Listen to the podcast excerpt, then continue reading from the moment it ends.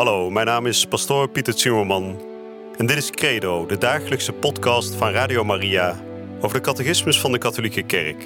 Samen dringen we elke dag een beetje dieper door in het prachtige plan van liefde dat God met elk van ons heeft. Laat je inspireren en ga met ons mee op deze avontuurlijke reis door het geloof.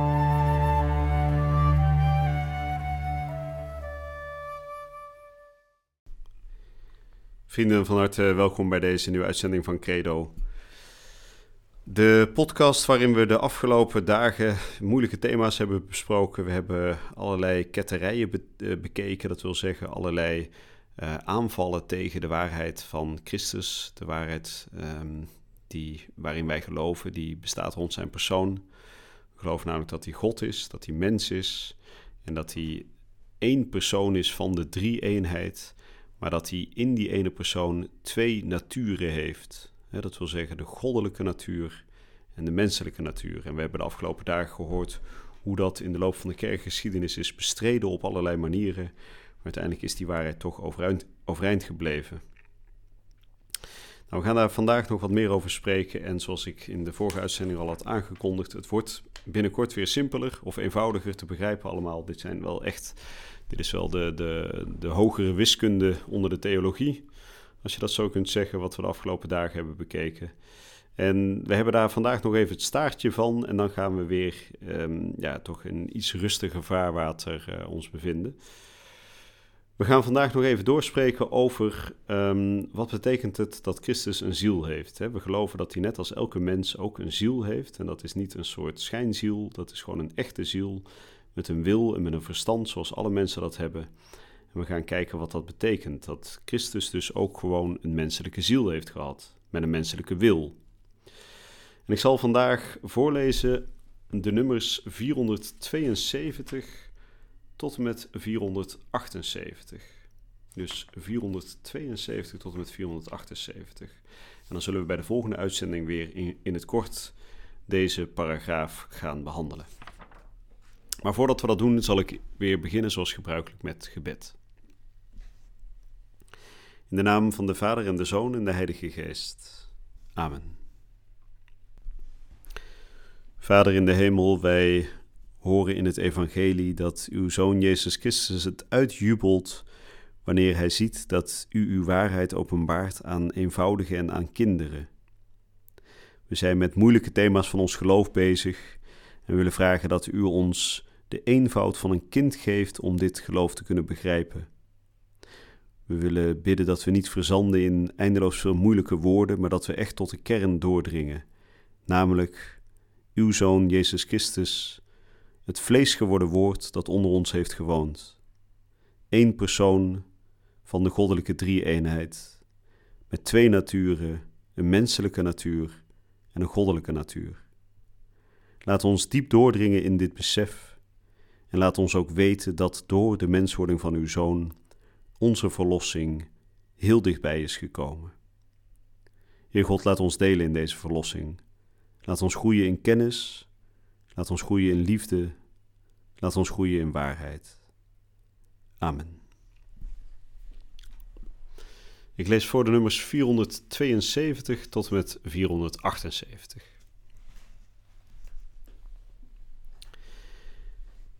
Deze menselijke ziel, die door de Zoon van God is aangenomen, is begiftigd met een werkelijk menselijke kennis.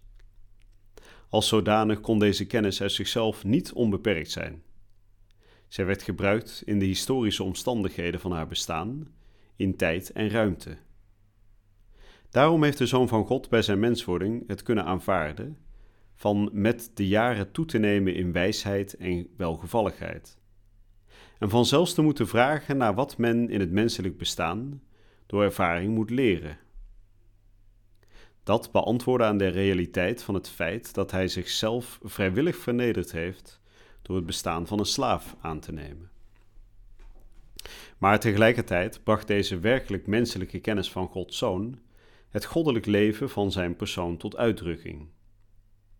Niet van nature, maar door eenwording met het woord kende en toonde de menselijke natuur van de Zoon van God in zich alles wat op God van toepassing is.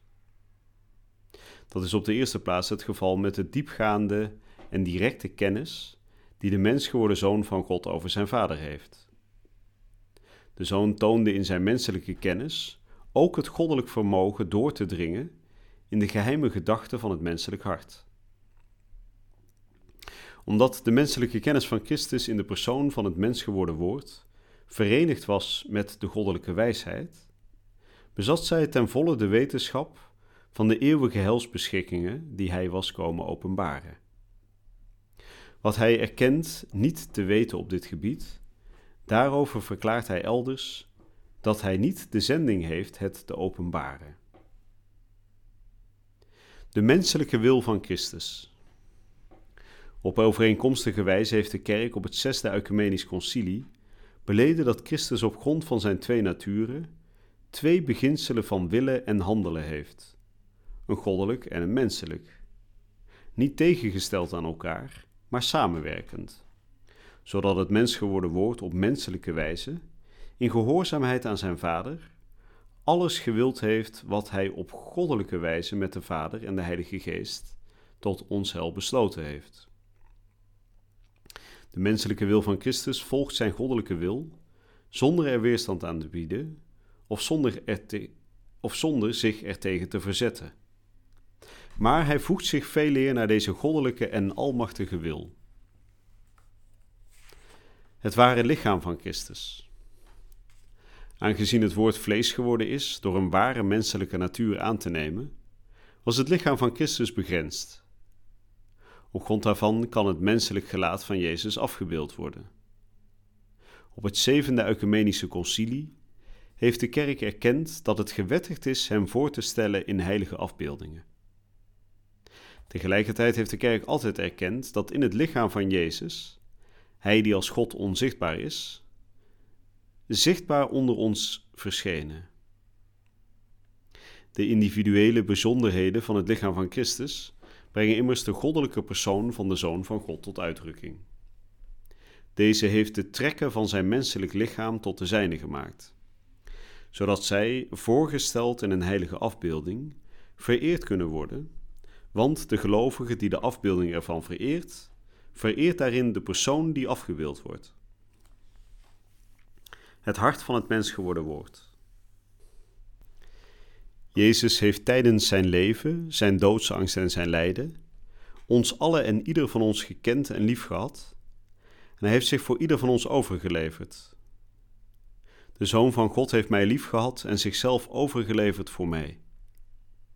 Hij heeft ons alle liefgehad met een menselijk hart. Daarom wordt het heilig hart van Jezus, doorboord door onze zonde en voor ons hel, als het ware het teken en symbool bij uitstek van deze liefde waarmee de goddelijke Verlosser, de Vader en alle mensen zonder uitzondering onophoudelijk bemint. Nou, dat was het laatste stukje voor vandaag. Even kort uh, samengevat, we hebben net gehoord over de menselijke ziel van Jezus Christus. Hè. Hij is waarlijk mens, volledig mens. En dat betekent dat hij dus ook een menselijke ziel heeft. En dat hij ook met die menselijke ziel menselijke kennis had. Hè. En hij moest dus ook in gewone menselijke kennis groeien. Hè. We zien dat ook in de jaren natuurlijk dat hij in Nazareth leeft bij Jozef en Maria. Hij moet dan ook uh, hele gewone menselijke dingen leren, zoals het timmermansvak. Hij leert lopen, hij leert spreken, hij leert schrijven, al dat soort dingen meer. Maar het feit dat hij dus is gegroeid tijdens zijn leven als mens, ontkent in geen enkel opzicht zijn goddelijkheid. Het was dus God zelf die als mens geboren is en ook als mens gegroeid is. En die in die groei als menselijke persoon dus ook steeds meer menselijke kennis heeft verworven. Maar we zien dan wel dat die menselijke kennis van Christus uiteindelijk verder reikt dan onze gewone menselijke kennis. Want hij, we zien dat hij de harten van de mensen kent. Hij doorgrondt de gedachten en de harten van de mensen. Dus ja, de menselijke kennis die hij heeft is wel een soort verheven menselijke kennis. En we horen ook dat hij een menselijke wil heeft. En dat komt eigenlijk het duidelijkste tot uitdrukking in het stuk dat we lezen in het Evangelie in de Hof van Olijven. U kent dat waarschijnlijk wel, hè? vlak voordat Christus uh, zijn kruisdood tegemoet gaat, dan bidt hij in doodsangst tot zijn hemelse Vader in de Hof van Olijven. En dan zegt hij: Vader, niet mijn wil, maar uw wil geschieden. En daar komt eigenlijk heel duidelijk tot uitdrukking wat de catechismus net ook zegt. De drie ene God, hè, Vader, Zoon, Heilige Geest, willen alle drie hetzelfde, namelijk verlossing van de mensen.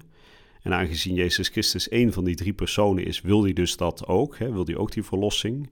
En in dat stukje uit het evangelie over die overgave in de tuin uh, van Gethsemane, hè, de Hof van Olijven, daarin zien we heel duidelijk dat die menselijke wil van Jezus Christus gehoorzaam is aan de goddelijke wil. niet mijn wil, Vader, geschieden, maar uw wil. dus hij legt eigenlijk zijn menselijke wil in handen van zijn Vader. En ja, je zou kunnen zeggen, zijn menselijke wil wil natuurlijk niet lijden, hè? maar de gehoorzaamheid aan de Vader is zo groot dat hij in alles het goddelijke volgt. Hè? Dus er is niks wat hem afremt om niet God te volgen. En ik zei net, de mens in Christus wil natuurlijk niet lijden. Daar bedoel ik mee, geen enkel mens, geen enkel normaal mens um, wil graag de pijn tegemoet gaan, hè, wil graag de dood tegemoet gaan. Maar Christus wil het wel. Hij kiest ervoor. Hij legt vrijwillig zijn leven uit handen, omdat uiteindelijk zijn menselijke wil volledig is afgestemd op de goddelijke wil, de wil van de drie-eenheid. Nou, ik hoop dat het nog eh, te volgen is. Ik denk het wel. Hè.